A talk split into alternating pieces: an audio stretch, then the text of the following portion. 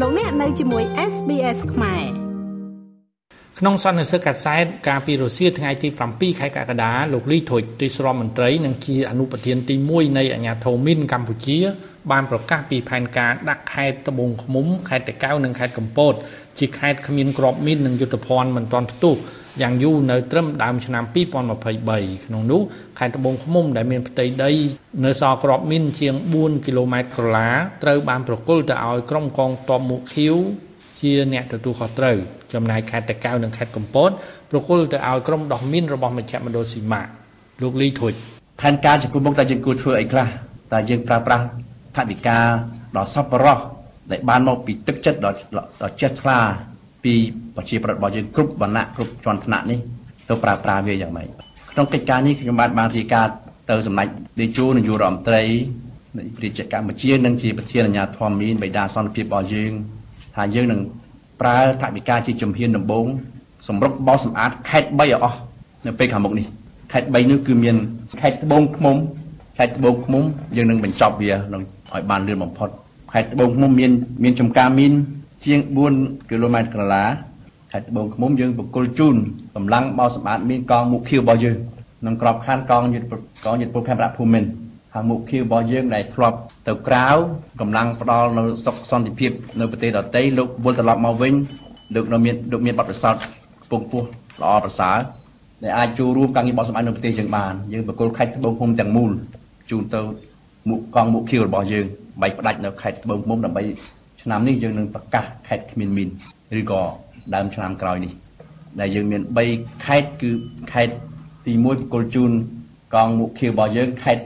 ពីរទៀតគឺយើងបកគលជូនកំពង់ស្ពឺខេត្តតតាកែវនិងខេត្តកំពត គឺមជ្ឈមណ្ឌលកម្ចាត់មានស៊ីម៉ាក់របស់យើងហើយដែលអង្គភាពនេះនឹងចុះទៅក្នុងពេលឆាប់ៗខាងមុខនេះ ពាក់ព័ន្ធទៅនឹងថវិការបស់សប្បុរសជនដែលបានចូលរួមក្នុងយុទ្ធនាការបោះសម្អាតក្របមីនដែលលោកនាយរដ្ឋមន្ត្រីហ៊ុនសែនបានប្រកាសបង្កើតឡើងកាលពីថ្ងៃទី1ខែកក្កដាឆ្នាំ2022នៅក្នុងទិវាមច្ឆជាតិថ្ងៃ1កក្កដានៅក្នុងខេត្តបន្ទាយមានជ័យក៏ត្រូវបានលោកលីធុចបញ្ជាក់ថាមកដល់ពេលនេះមានសប្បុរសជនចូលរួមជាង10000នាក់ហើយហើយក្នុងនោះភាគច្រើនប្រជាជនកម្ពុជាបានចូលរួមម្នាក់1ដុល្លារ 1ដុល្លារសហរដ្ឋអាមេរិកនេះគឺអាចបោសសម្អាតមីនបាន4ម៉ែត្រការ៉េព្រោះថា1ម៉ែត្រការ៉េចំណាយអស់1000រៀលមហាចលនានៃក្តីស្រឡាញ់នៃការវប្បធម៌ចៃរំលែកខ្មែរស្រឡាញ់ខ្មែរខ្មែរជួយខ្មែរខ្មែរជួយប្រទេសរបស់ខ្លួនដើម្បីឲ្យបងប្អូនគ្រប់ទីកន្លែងទាំងអស់បានរស់រានមានជីវិតដោយគ្មានការគំរាមកំហែងពីសំណត់ជាផ្ទុះពីសង្គ្រាមមកដល់ពេលនេះថវិកាដ៏សប្បុរសពីជនរួមជាតិរបស់យើង បានរហូតទៅដល់ជាង15លានដុល្លារសហរដ្ឋអាមេរិកហើយនឹងជាង190លានរៀលរួចទៅហើយគ្រប់គ្រងដល់មហាចលនារបស់សម្ដេចតេជោគ្រប់គ្រងគម្រោងសម្ដេចតេជោដើម្បីសកម្មភាពមីនដល់ដីសវត្ថភាពនិងស្នាមនឹងជូនប្រជាពលរដ្ឋរបស់យើង លោកទីស្រុំត្រីលីកធុចក៏បានប្រកាសថានៅទូទាំងប្រទេសកម្ពុជាមកដល់ពេលនេះមានក្រុមបោសម្អាតមីនគឺថាបានរំដោះផ្ទៃដីបានជាង2400គីឡូម៉ែត្រការ៉េ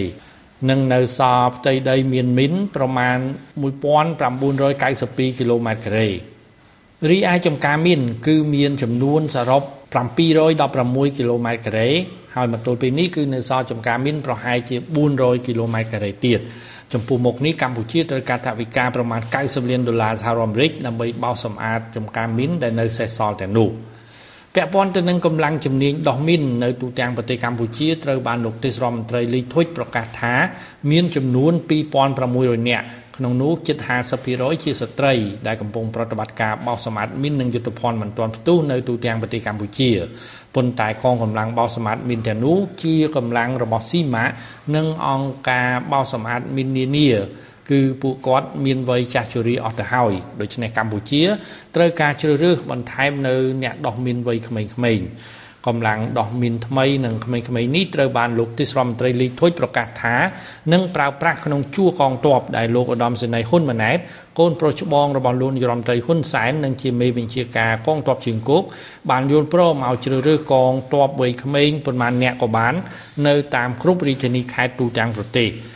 ជាថ្មីម្ដងទៀតលោកទីសរដ្ឋមន្ត្រីលីកធុចបានអំពាវនាវបន្ថែមទៅដល់ប្រជាពលរដ្ឋកម្ពុជាសូមចូលរួមបរិច្ចាគថវិកាជាមួយរាជរដ្ឋាភិបាលដើម្បីបោសសម្អាតក្របមីននៅក្នុងប្រទេសកម្ពុជារហូតមកទល់ពេលនេះលោកលីកធុចប្រកាសថាទទួលបានថវិកាពីស្របបរជន